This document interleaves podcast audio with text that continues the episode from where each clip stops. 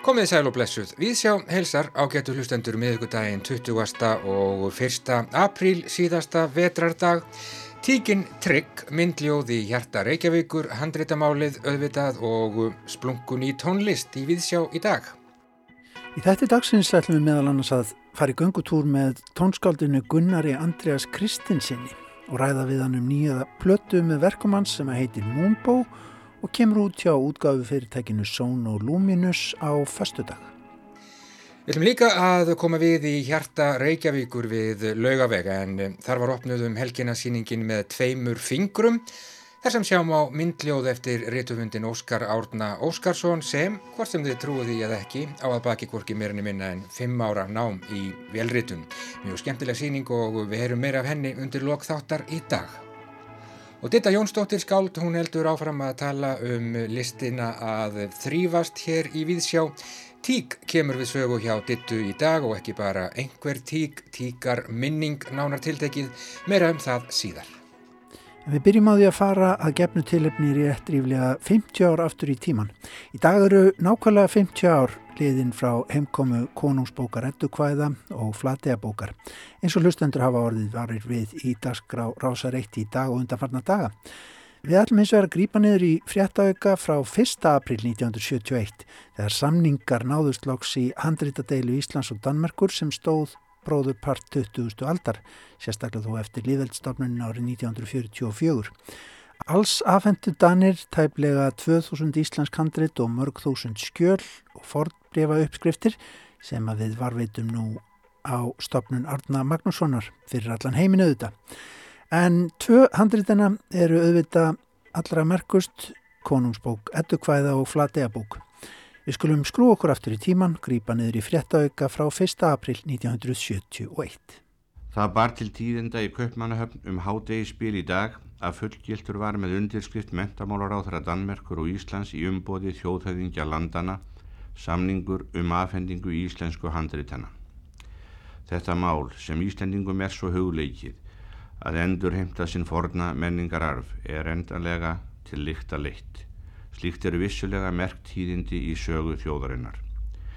Svo gleði fregn hefur borist að þingmanna nefnd danska þjóðþingsins munu sækja okkur Íslendinga heim um sömarmálinn og færa okkur tvær fyrstur gersemennar úr handritasafninu, sæmundarettu og flategjarbók. Hinn er dönsku fulltrúar verða hér auðfúsu gestir í slíkum erindagjörðum en allir eru þeir jafnframt góðkunnir Íslandsvinir. Ég hygg að aldrei hafi verið meiri hlýja í hugum Íslandinga í Gardana en einmitt nú. Við metum hinn að veglindu framkomu en fordæmi þeirra mun einstakt í samskiptum þjóða. Og nú tala Viðstinn Ólason frá Kaupmannahöfn. Eins og skýrt hefur verið frá í fréttum, hlaut milliríkja samningur Íslands og Danmerkur um aðfendingu handritana, endanlega staðfestingu í dag í Kristjánsborgarhöll. Aðtöfnin var stutt og látlaus. Klukkan 11.45 settust mentamálar áþærarnir, Helgi Larsen og Gilvið Þóttun Gíslason við borð, stiftust á skjölum og fluttu síðan stutt ávörp. Þarna voru viðstættir Hilmar Bánskorn, fórsættisáþara Danmerskur og Pál Halling, utaríkisáþara. Sigurður Bjarnason sendi herra og nokkrir ennbættismenn begja landa auk fréttamanna. Eftir aðtöfnina náði ég tali af Gilva Þótt Íslasinni mentamálar á þeirra og bað hann að segja fáin orð við útvarslustendur vegna þess aðbörðar. Ég mun aldrei gleima þeirri stund sem nú er ný liðin. Íslensku handritin er nú orðin eign Íslendinga. Efst í huga allra Íslendinga á þessari stundu hlýtur að vera þakklæti til Dana fyrir það göfulindi sem þeir hafa sínt Íslandingum en jafnframt eigum við að minnast þess að við tökum ekki við handritunum til þess eins að eiga þau. Við verðum að varveita þennan fjarsjóð vel og gæta hans þannig að það verði til þess að ebla Íslensk þjóðöfni, Íslenska tungu og allt það sem Íslenskt er. Það er skildu okkar að stuðla því að handritin verður rannsaukur í enn ríkara mæli en átt hefur sér stað. Það er skild okkar að stuðla því að þú verði enn ríkari þáttur í menningu heimsins en þú hafa verið. Fréttastofan snýri sér í dag til Jónasa Kristjánssonar, fórstuðumanns Handritastofnunar Íslands og segir hann nú nokkuð frá Flateyjarbók og konungsbók Eddu Kvæðana. Ég skal byrja á því að segja lítið eitt frá Flateyjarbók. Hún er stærst allra íslenskra handrita sem varðveist hafa. Hún er 225 blöð eða 500 blaðsýður í sinni núverandi mynd En bókin hefur reyndir ekki verið alveg svona stóri fyrstu því að nokkrum blöðum hefur verið bætt við setna. Og brot bókarnar er líka mjög stort.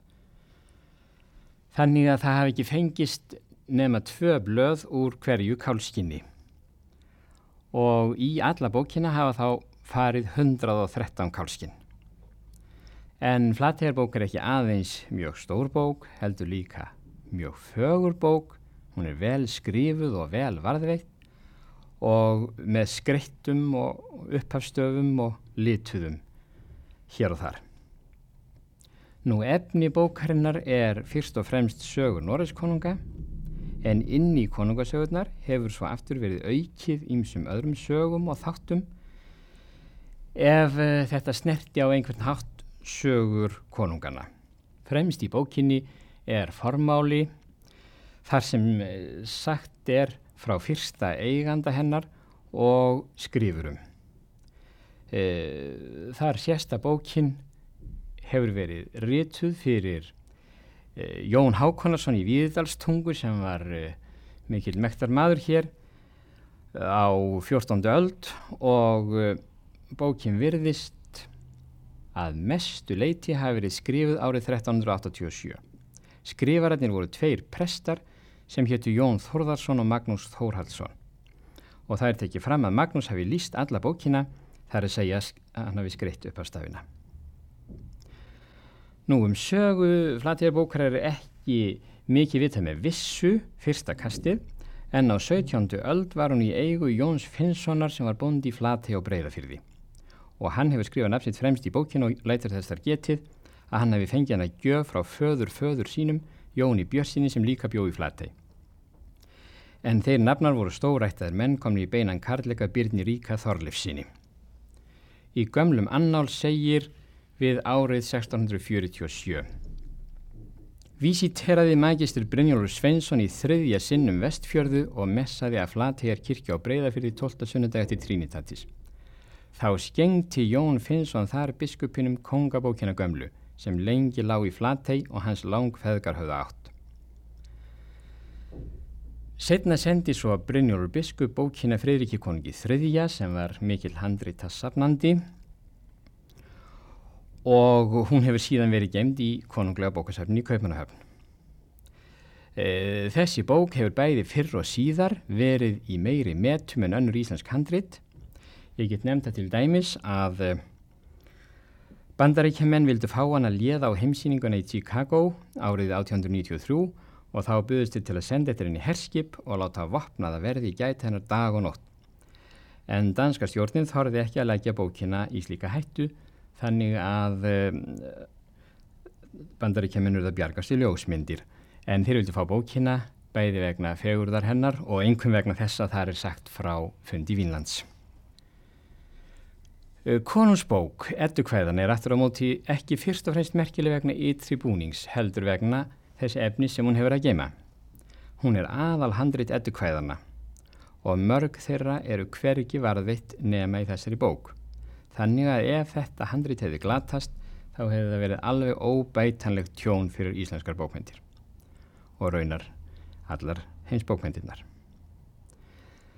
Og þess vegna má segja að ekkert íslenskt handrit sé dýrmætara heldur en þessi bók þótt hún láta ekki mikið yfir sér að ytra útliti. Fremst í konums bók er völusbá og, og þar næst koma háamál. Og uh, þetta er eina handrit þeirra sem til er og þannig mætti telja áfram.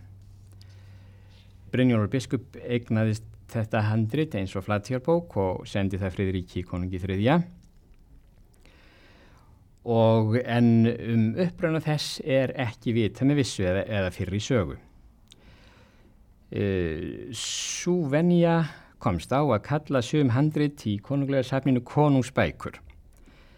E, sérstaklega til aðgreininga frá handritum í öðrum söfnum eins og árnasafni og uh, þannig er til bæði konungsbók Snorrætu og konungsbók fornu lagana grágásar.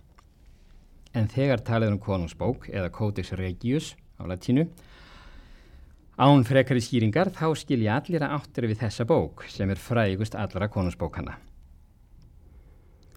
Uh, það hefur nú oft verið deilt um uppruna eddukvæðana Eh, hvar þau muni vera orrt og jafnvel hvar þau væru fyrstferði letur.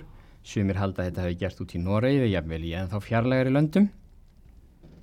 En eh, mörg eddukvæðin eru sannanlega skrifuð sannanlega orrt hér á landi og eh, öll hafa þau varðveist hér og mótast í munlegri gemd og eh, þau hafa verið lifandi þáttur í okkar bókmentum Þegar á allt þetta litið er það sérstaklega mikils virði finnst mér fyrir okkur að fá þetta handrit hingað heim því að í því er fólkin óbein viðurkenning á þeirri staðrænt að eddukvæðin eru íslensk.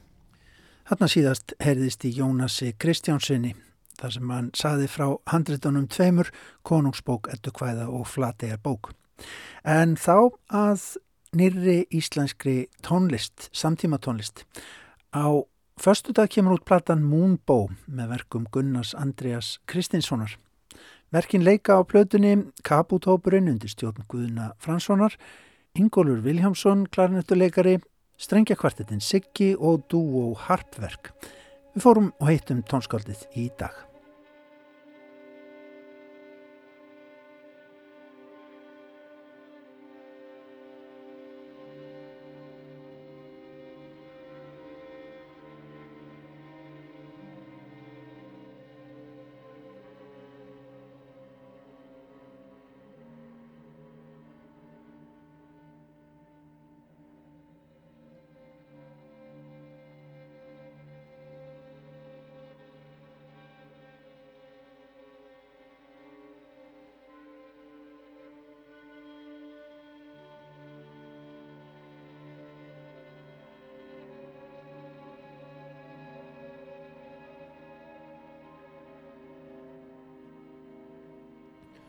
Við erum komin inn í göngutúr í Vestubænum með Gunnari Andreasi Kristinsinni, tónskáldi. Uh, ég var á leðinni hérna til Gunnar með nýja plötu í erónum eh, sem heitir Moonbow, kemur út á förstu daginn. Ég var að hlusta á títilverk plötunar á leðinni þín. Uh, Moonbow, þar sem að strengja kvartetinn Siggi leikur bara byrjum á því, eh, verk uh, inspirerað af, af tunglinu sjálfu, ekki þetta? Já, þetta er svona, tunglbói myndast svona þegar, hérna, myndast eins og regnbói nema við tunglsljós. Hefur svona fallett form, þetta er vola óalgengt fyrirbæri, mm. en, hérna, en, en fallegt. Já. Þú inspireraðast af þessu, er þetta eitthvað sem þú séð á heimni? Já, svona ég hérna, hef séð eitthvað sem líkist þessu og svo hef ég hérna, er ekki alveg vissum að það hefur verið ækta tungbói en hérna, svo ég skoða myndir á netinu. Já, eins og maður gerir, eins og maður gerir. En inspirerastu mikið af, af náttúru fyrirblæðum og af náttúrunni í þínum, þínum tónsköpun? Um, já, svona ég er ekkert svona meðvitað að hugsa um náttúruna en, en, en ég er mjög hrifin af náttúrunni sko og, og, og kraftinum í henni og, og hérna víðáttinni og fegurinni hérna, sérstaklega á Íslandi sko. Já. en hérna þannig að ég held svona ómeðvita þá einhvern veginn skilir sér einhver áhrif í tónlistunum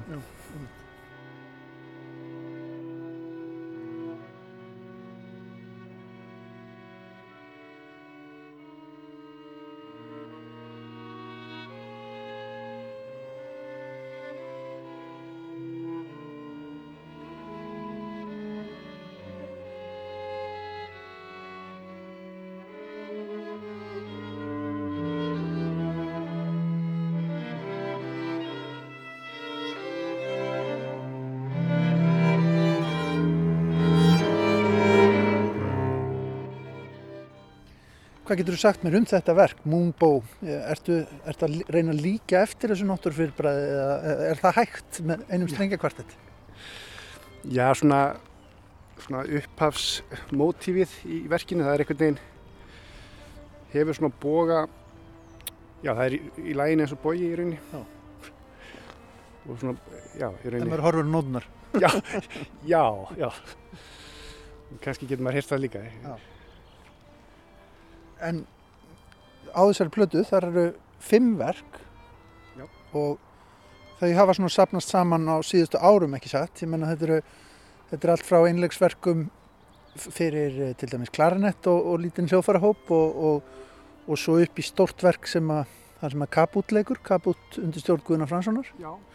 Sko þetta er eitthvað sem að hefur þú hugsað þetta eitthvað saman? Hvernig er það þegar svona tónverk byggjast upp hjá tónskáldi verða þá til hugmyndum útgáðu um plötu?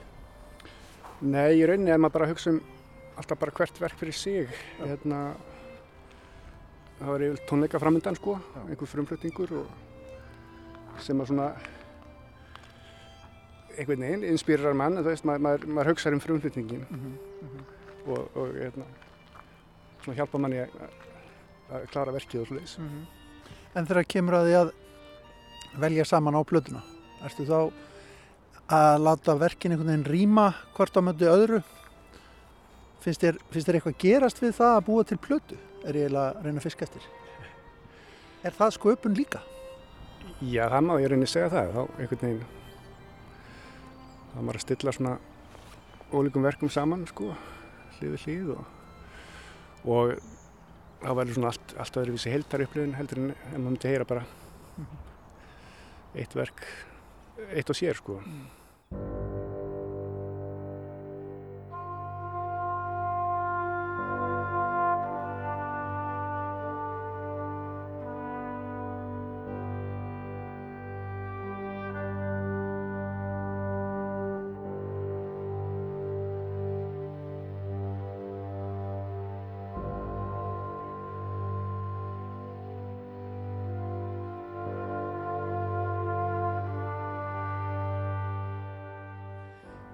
Hvað getur þú sagt mér um stóra verkið á þessari blötu eh, sem er, heitir Roots, rætur, er það ekki? Jú, það, það er svona, það er Roots og, og svo er þessi klarinettu koncert, Sisyphos, sem að það er í raunni jafn stór verk þegar kemur að fjölda hljóðarleikara. 14 manna. Uh -huh. um, en ef ég byrja að tala um Roots, þá er þetta svona nýjasta verkið á disknum.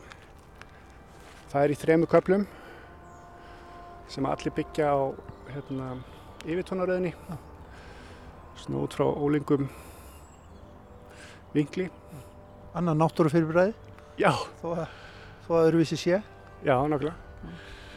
Og svo er hérna Sisyphos Clarinet Concert sem að byggir á hérna, sögur grí, grísku góðafæriðinni. Þessari frægur sögu af, af Sísifós sem þurft að velta steininum. Er, er það eitthvað sem heillar þið við hann? Já. Finnur þú hérna, samsörun við, við líf tónskálsins kannski? Já, ég meina algjörlega sko. Þetta er al, algjörlega svona það er komað svona tímabil það sem að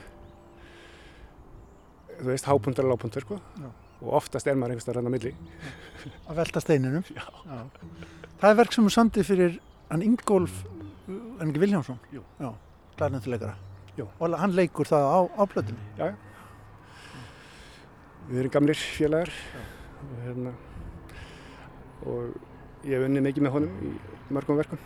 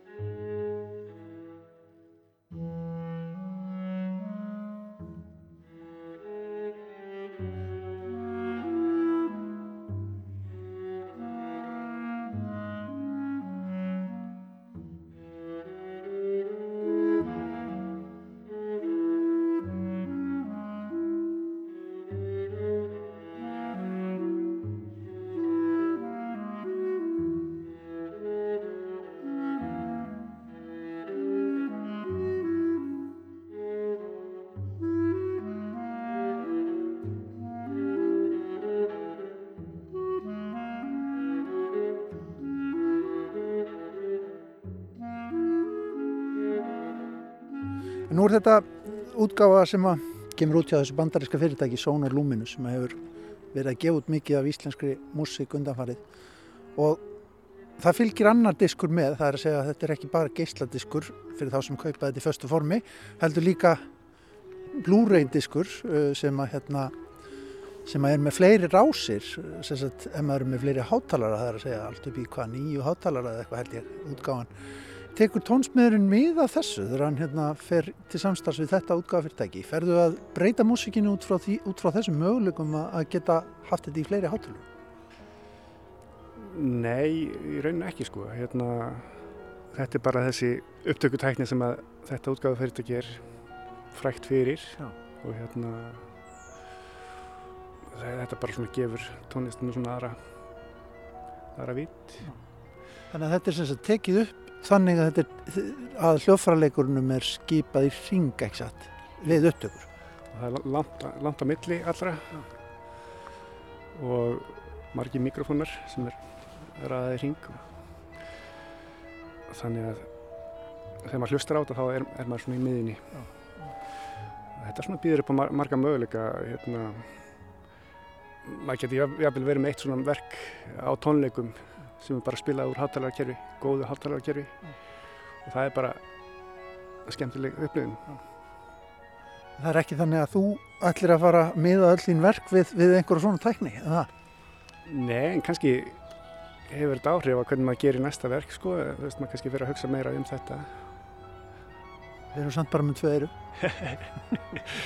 jú, jú, jú, jú, en hérna, þess, þetta er mjög spennandi og hérna, það verður gaman að hlusta á diskinni alveg græn. Mm. það er að kemur að því.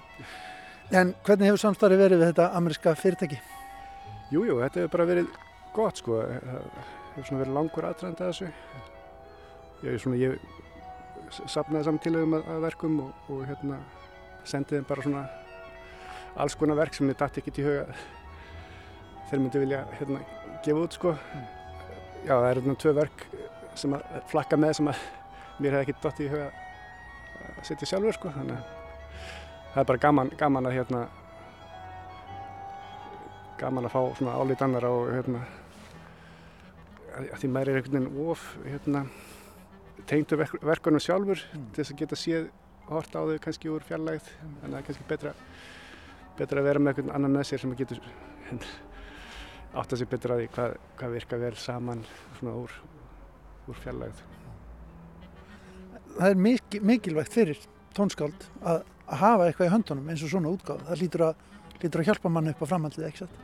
Jú, jú, þetta, þetta er svona mjög góð kynning og hérna það, það er svona einhver svona gæðasteinbill sem fylgir þessu fyrirtæki þannig að, að, að það hjálpa manni sko eh, einhvern veginn er þá meiri áhigi fyrir fyrir tónlistinni uh, því það er svo rosalega mikið magna tónlist í bóði í dag og hérna auðvelt að týnast í þessu flóði. Ég segi bara til hamingjum með Moonbow útgáfuna sem kemur út á, á förstu dag Gunnar Andreas Kristinsson, takk fyrir spjalli hér í Vesturbann Já, takk sem leðis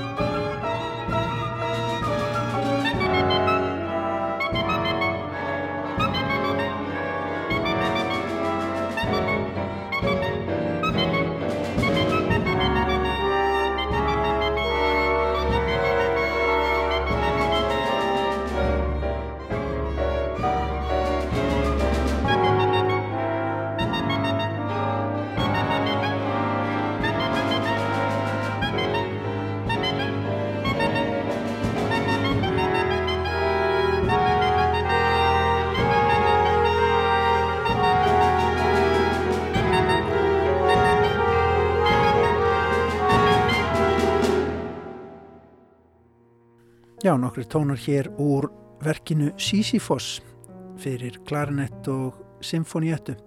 Kaputópurinn lék hér undir stjórn Guðna Franssonar.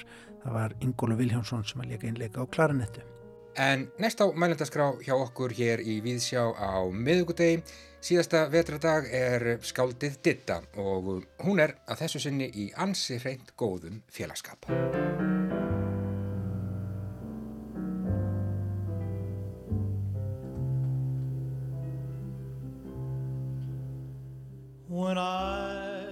Tíkarmunning Það er margt hægt að segja en þetta er það sem ég segi Hún trygg hefði orðið tvítu og þriðu daginn var hefði hún tórt. Hún sopnaði svefnunum langa fyrir tæpum tveim árum og enþá sirki hana en stjúft og einn sárt og daginn sem hún dó. Hún var dóttir Trínu og Patreks og fættist í hrútafyrði, kom til mín og sona minna á Bræðarborgastígin þar sem ég bjöð í blokk, áttavikna gömul, riðfætt af bílviki, ældi og pissaði á gólfið. Hún var umsögulegst partur af litlu fjölskyldunni. Yngri sónu minn var rúmlega einsás og sá eldri 11 ára og var þúna kátu og elskulugu frumefni sem límdu okkur öll saman. Hún fekk nafni Trygg og stóð sannarlega undir því. Lífsbaráttan var erfið fyrir mig en Trygg gerði vesenið skemmtilegra og kunni svo vel að sína elsku sem risti svo innilega dýbra en okkur einasta orð gætt gert. Hún vissi hvað ég var að hugsa líka þegar mútið var melankólist þá smóun höfðunni sín í lofa mína eða kroppaði handlegin með loppunni sín í ljúfu og vildi að þvó framann úr mér mörðina á ávíkjurnar. Það mátti alltaf laga allt með því að fara út í leiðangur, fannst henni, eða leika með bolta eða prigg eða rífa tuskubánsa í tællur, vaða í sjóin, elda ketti, hitta aðra hunda og stundum fólk líka. Trygg var sjálfstað og alls ekki nundurlega. Ég varð oft fyrir því að hún hafði vit fyrir mér þegar ég var á röngunni í lífinu og hún kendi mér að ganga á hælaskóm því að það þarf að hreyfa hrygginn og ganga á tánum eins og hún gerði til þess að vel fari. Í þau fái skipti sem ég stöglast um á hælum þá hugsa ég til hennar, hafa gleði dingl í miðmónum og hafa mikið hopp í tám og ímynda mér að ég hafi skott að sveibla, þá gengi vel. Trygg vildi aldrei vera eini eða skilin eftir. Í þau skipti sem það var reynt þá eigðilaði hún gluggakarma og hurðir með kraftsi og klóri og ylfri og gelti. Við gerðum það nú bara einu sinni og eftir það var alltaf ekkert okkar með henni. Við sáumst annarkvort öll fjögur saman eða þá bara tvö því eitt okkar var með henni. Og mikið lifandi skelving var tíkin alltaf glöð að fá hvert okkar heim ef einhvert okkar fór á bæ. Það var fladrað og gælt af gleði og rikið á heiminum fyrir utan sleikt framann um manni sem það heldi ekki að maður þurfti að vera þarna úti ánennar. Hún brosti, lit skínaði tennurnar og gaf frá sig gladvart nuss, dillaði rófinni þannig að hún snerust um á gólfinu þegar hún beð manni að koma í fangsir og fagna henni með prúkli á belgin mjúka. Hún hafði svo sterk tök á yngri sinni að hann neytaði langt fram á fimm ára aldurinn að ganga í buksum af því að ekki gerði trygg það. Hann treysti henni sem fyrirmynd og fekk meira að segja bráða matnum hennar en annars var hún allatið töluvert smatsárga hvort öðrum hundum og jú líka köttum. Sindi hlutverki sínu sem kattarmatarskálar reynsir af stakri einurð þar sem við komum, ekki endilega alltaf kattareigundunum til geðs eða gleði. Þegar hún egnaðist kvorpa í fyrsta skipti þá lefði hún tveimur hálfstálpuðum kettlingum samt að koma líka á spena hjá sér. Þessir kísar elsku hana botlust eftir það. Og þegar hún lagði því tiggjur leggja, þá vakti hún mig með því að setjast á brjóskassan á mér og kom sá fyrsti í handakrigan. Ég bauð hennu auðvitað bælið mitt til að klára sig af. Það komi fjóri kvolpar. Tryggur, trína, tröst og trú þá byggum við á laugavegi. Þegar Trygg var fjara ára letum við hana frá okkur og hún fór upp á skaga og við til útlanda. Komum svo heim og vorum húsnæðislaus og á flakki, fluttum þrísvar og fengum svo að vita að það ætti að fara að svæfa hana vegna þess að hún var í eilífu stróki þar sem hún var þá aftur komin til Reykjavíkur. Við tókum hana til okkar aftur og það var eins og hún hefði aldrei farið. Þessi tvö og hálft ár sem höfðu liðið komu henni ekki við. Hún var búin að finna okkur aftur og við hanna og þá var lag að gleima því grima. Það var einmitt kosturum við hann að trygg, hún var ekkert fyrir sút og væl, það sem var búið er búið. Förum út að ganga og eldum nefin á okkur, saman. Og það sama gildi um okkur. Við fundum að við höfum verið varla við sjálf án hennar en nörðum svo aftur þau sem við áttum að vera þó svo það væri ekki endilega auðveldara að finna húsnæði og stundum voru við á götunni. Þá var það erfið að auðveldara öll saman. Það var aldrei auðveld að finna húsnæði þar sem hundur máttu vera og var þökk góðu fólki að við slupum inn á sumum stöðum þar sem var bara ákveðið að tala hvorki um hana niður láta húsreglur einhverjar vísu okkur á gattin. Í síðasta skipti sem hún egnaðist kolpa þá vaknaði ég með hann á fótonum á mér og sá fyrsti kom á milli njána. Ég gaf henni eftir bælið og það fættust fimm. Ás, tvistur, þristur, fjarki og fimma. Þá byggum við öll nýju í einu herbergi í skerjafyrðinum. Þar var allavega hlýtt og notalegt þó þröngt væri. Eftir það fluttu við manneskjötnar þrjáru og tík þá orðum tíu ára á melana í Vesturbænum. Ég veiktist alvarlega og hún dróð mig í göngur og hjælt mér á lífi, vil ég meina, því það er eðlilegt að fólk þreytist á þeim sem eru veikir. Trygg sá til þess að ég lagaðist með því að hafa heilbreyðar þarfir eins og reglulega reyfingu og mun að vera forvitin. Hún myndi alltaf töfrana eins og ellastina skáld kallar lífið. Svo fekk hún hjartáfall og fór á hjartalif, við fengum báðar gikt og eftir 16 ára afmæli sitt hætti hún að gelta eins og hennar var siður enda af íslensku fjárhundakinni og svo tegund teku þátt í lífinu með því að láta heyra í sér. Sjónin hennar dabraðist og hún varð mögur. Ég þráaðist við að hleypa henni í blómabrekkuna í sumarlandinu þar sem allar kísunar hennar byðu eftir henni. Ég var eigingjötn og aldrei tilbúin. Það er tengingin ekki tímin sem hefur með tryggt samband að gera og þegar hún dó það langaði mig að fara á eftir henni. Allar flóðgáttir opnuðust og öll sár ífðust upp.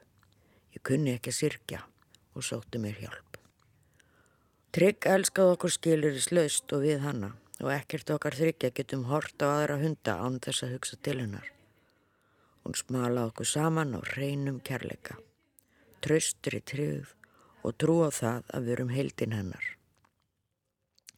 Elsku tíkin tryggliði lífinu á þess að aðrast.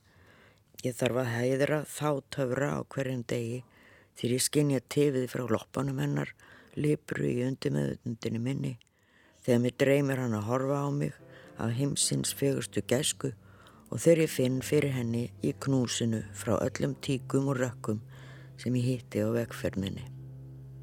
When I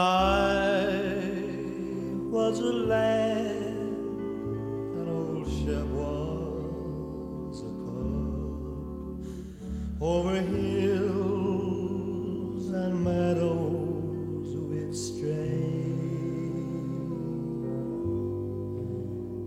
Just a boy and his dog,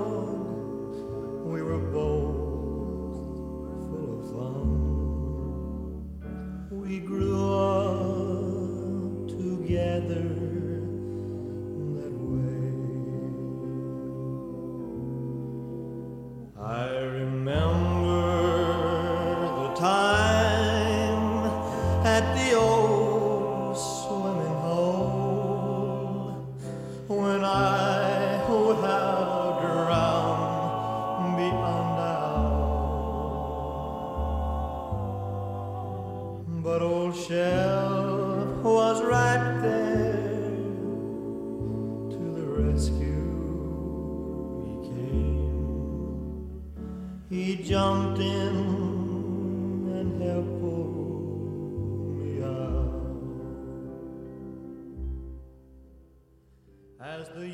Já, ditta, listin að þrýfast, tíkar minning, tíkin Trygg og Elvis Presley og eftir Old Shep.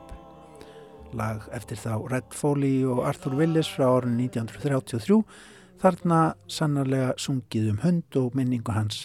Lag sem að fyldi Elvis Presley alla tíð, hann söng það þegar hann tróð fyrst upp, aðeins tíu ára gammal í oktober 1945 og hljóðritaði svo 1956. Hundar geta skipt máli eins og kom vel fram hjá dittu. Við herum aftur í henni hér í Víðsjá að hálfu mánuði liðnum. En nú er vetur úr bæ ágetur hlustendur eða því sem næst.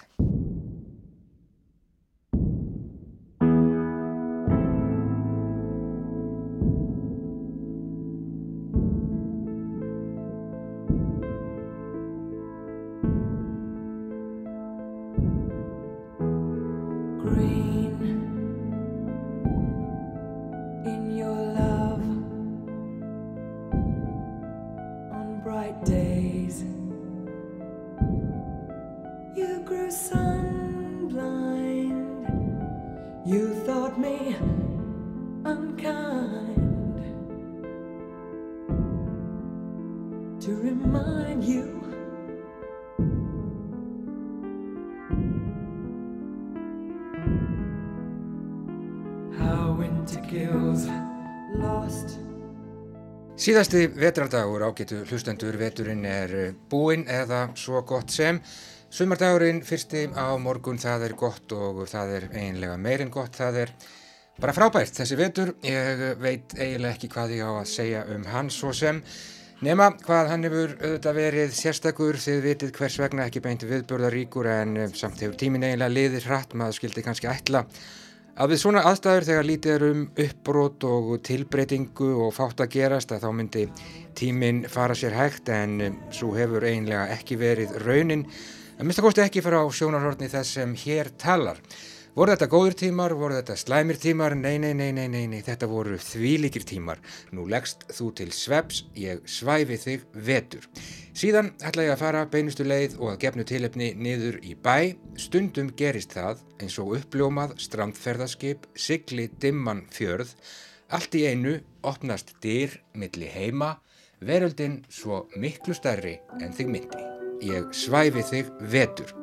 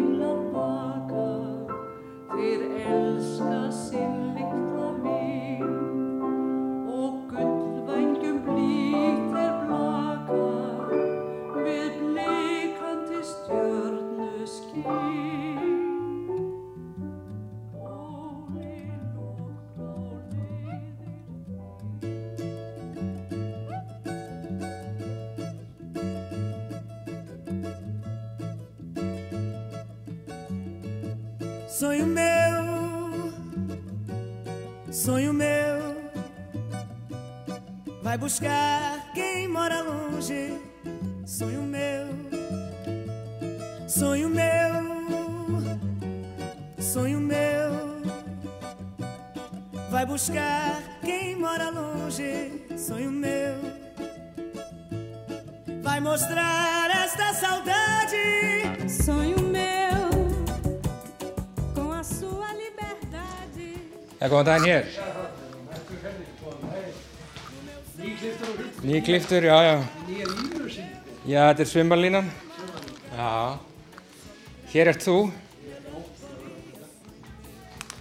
Sæl og blessaður. Velkomin. Takk fyrir. Ég hef nú bara ekki komið hingað eftir að... Nei, þú er ekki komið hingað. Nei, ég hef bara hort inn um glukkana.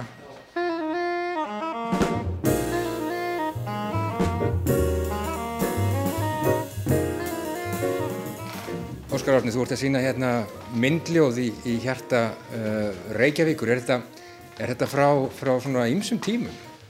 E, já, eldstu ljóðin eru líklega frá e, 1997. Já. Það eru ljóð sem komu út hjá Bjarti í svona sérreiti Bjarts og frú Emilju e, og hétt hefti sem hétt Án orða Já, og eldstu ljóðin eru úr, úr því. Önnur, önnur eru miklu nýrri og, og svo erum alveg sprungun í bara. Já, hvað ertu búin að vera að gera þetta lengi? Já, frá þessum tíma með, með löngu hlýjarindar gerði þetta svona í, eins og ég vinn þetta oft þegar kemur andi í rittvilina þá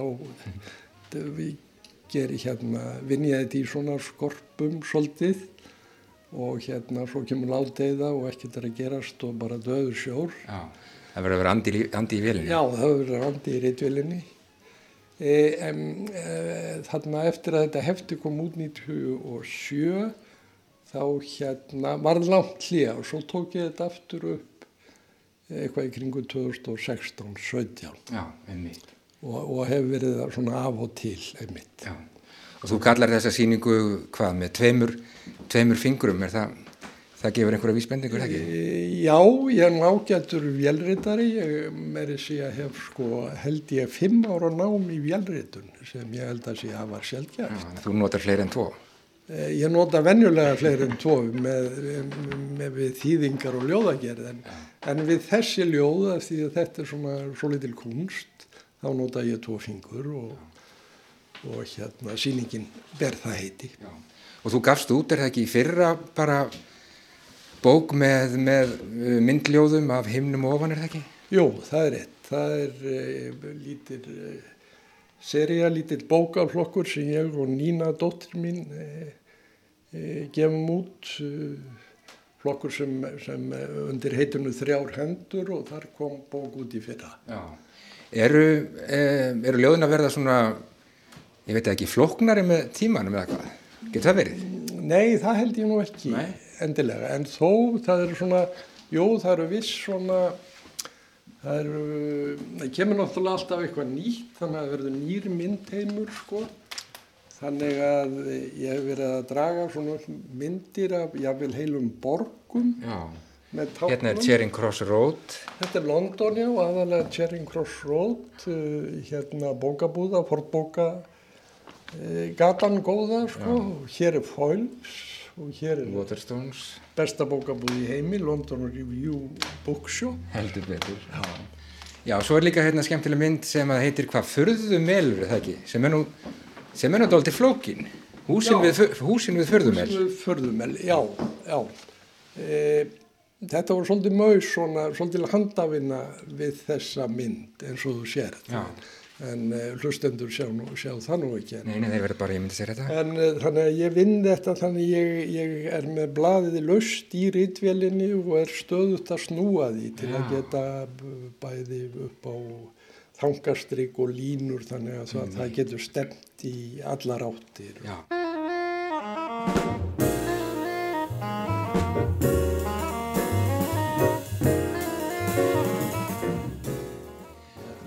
Hérna eru svona kunnulega nöfn sem koma við sögu. Hérna er eh, Tómas Guðmundsson að kaupa vísi í Pósthússtræti árið 1933. Hérna er flugan í höfðinu á Steini Steinar og já, John og Jóko fyrir utan Museum of Modern Art. 20 línur um borgina, handa Braga Ólafssoni, já, nákvæmlega. Það er ljóð eftir Braga, heitir 20 línur um borgina og er bara já. Svona borgarljóð eftir Braga en hér hef ég sagt slegið bókstaflega bara 20 línur í sömu lengd, mm. e, lengd og, og ljóðlínurnar eru í, í ljóði Braga. Já. Bara konkrétt. Já. Þú náttúrulega gerir þetta ekki á hvaða vél sem er, sá ég það ekki rétt að það, þetta er gert á hvað, fjórar, fjórar vélar? Já, fjórar vélar, já núna fjórar rittvélar, þannig að það eru tvær rammarsrittvélar og, og tvær, tvær hérna svona manuálvélar. Já, það er allir tippa 1, Smith Corona Classic 12, Message Concept 11 og já, svo auðvitað Silver Reed EZ21. Já, sem er svona frægasta skaldavélin. Já. Já, eina svo leiðis. Þú átt eina. Já, nákvæmlega. En svona hvað með, uh, þú nú sannlega eini maður á Íslandi sem er að fást við þetta, við þessa myndljóða gerð af einhverju alvöru, hvar hérna áttu þér svona einhverjar, eh, já, fyrirmyndir í þessu? Já, ég man nú ekki, jú, eflust er það sko, en þetta er náttúrulega, þetta er mjög, það er löng hefð fyrir Já, þessu sko, þetta er, þannig að eh, ég er ekkert að finna þetta upp, Eh, þetta er alveg frá sko, held ég bara sjöttöld fyrir Krist, Grikkir gerðu sko, úr le- sínu letri gerðu sko kér og staup og slíkt Já. úr stöfum sko Og 20. aldinn fulla af þessu? og 2000-öldin fullaðastu modernistarnir, fluxushreyfingin, já. Já, já, og fleiri, Apollinaire, Cummings. já, Cummings og fleiri og fleiri, sko. Það er kannski helst gerðir sem hefur aðeins uh, komið nálagt þessu svona í, hérna, í svona hans fyrstu bókum, Já. annari og þriðju helst. Já, það var kannski, sko, já, hann gerði þetta vissulega og Ísak Harðarsson Já, bjóð til uh, atomsprengjuna, kjarnálsku sprengjuna, Já. uh, skíið Einmitt. með bókstöfum með orðum, orðum er ég eftir að segja. Já. og hérna, já, já, en það var nú kannski aðalega verið sko myndlistamenn sem Já, hafa fengist Já. og það er svolítið, svolítið öðrum toga. Já. Þetta er miklu meira bókmyndalegt hjá mér heldur en myndlistalegt kannski. Raðar, raðar þessu upp í einhverja, einhverja tímaröð eða er þetta bara svona Nei, potpúré? hann, hann Jóhann Torfarsson sem er með hjarta Ísland, í hérna hjarta Reykjavíkur segi, hann, hann ræðaði þessu upp og ég samþýtti það. Það er ekki sko, en þetta er náttúrulega, við erum hér á löga við 12b Já. í hjarta Reykjavíkur má segja. Heldur betur. Hér skáhald á móti var lögaver 11, þannig að við erum á... það Við erum algjörlega í miðunni. Já, algjörlega í miðinni, þar sem skáldum voru og myndlistamennirni. Já. Kemur þetta svona í skorpum hjá þér eða ertu að sinna þessu svona, svona reglulega? Já, þetta gerist þannig að e, það kom oft bara, já þetta gerist, kemur í skorpum og það koma kannski bara fjögur, fimm, sex ljóð á dag í kannski nokkra daga, Já. tíu daga eða eitthvað og síðan allt dött. Já, þá er andi í vilinni. Er einhver, er andi í vilinu. En það er bara svipað og ég vinn, ég vinn svona sko, Já. og líka mína ljóðabækur hafa orðið svona til. Já. Þannig að það er... Og þú ert að selja? Já, eitthvað aðeins, já, það er að byrja. Já. Já, þetta er nú ódýrt hjá mér, þannig að þetta er nú ekki, á ekki að vera mikið mála að, að kaupa sér minn. Nákvæmlega. Nákvæmlega. Og hér er sko einn ritvélinn, Já, hérna í hotninu. Já. Já. tippa heitt, Hún lætur nú ekki mikið yfir sér þessi. Nei.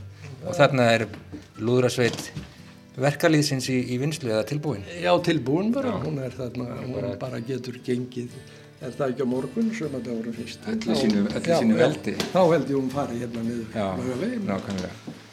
Nákvæmlega. Give me traces of your lifeblood flowing in a loving cup. Tell me I'm dream, dream, dream, dreaming. I'll never wake up. Hvernig kemur undan vetri, Óskar, það er síðasti vetradagur í dag? Já, bara vel, þakka þið fyrir. Ég er búinn að fá, fá fyrir sprautu og er ánæðið með það. Já. Og þetta hefur náttúrulega verið eh, erfiðu tími mjög fyrir marga Já. og, hérna, og leiðilegur sko. En, en, en núna, já, sumadagur fyrst í, það markar nokkur spór held ég. Já. Og bara, já, það byrtir. Það byrtir, ég heyrði aðeins í þér í gær, þá varstu bara í, komin í ísbúðuna takk fyrir með, með barnabörnunum. Já, Það var svona, já, var ég- Ég fekk svona vor, hérna, vor tilfinningu. Já, já, já, gæti verið. Og sumarið bara skriftir eða þú ferð ekki til Lunduna í, í bókaferðir núna? Nei, það verður enga, enga, engar löndunaferðir. Nei. Sá Þamtón Ró? Nei, nei, það verður bara Ísafjörður, Já. Seyðisfjörður og eitthvað slíkt Já, sem er bara mjög í sömar sem er mjög fínt sko. Er, ég segi bara til hamingi með þessa skemmtilegu síningu Óskar uh, með tveimur fingrum, hvað ætlar, að, hvað ætlar að hafa þetta uppi lengi? Þetta verður til 9. mæ Já. og opið hér alla daga. Já, virka sem helga. Nákvæmlega. Sjálfsagt að hvetja hlustendur til þess að koma og skoða þessa skemmtilegu síningu hér í hjarta Reykjavíkur og já, við erum algjörlega í miðpunktinum. Takk fyrir mig, Óskar Árni og ekki bara segja gleðilegt sumar. Leðilegt sömar.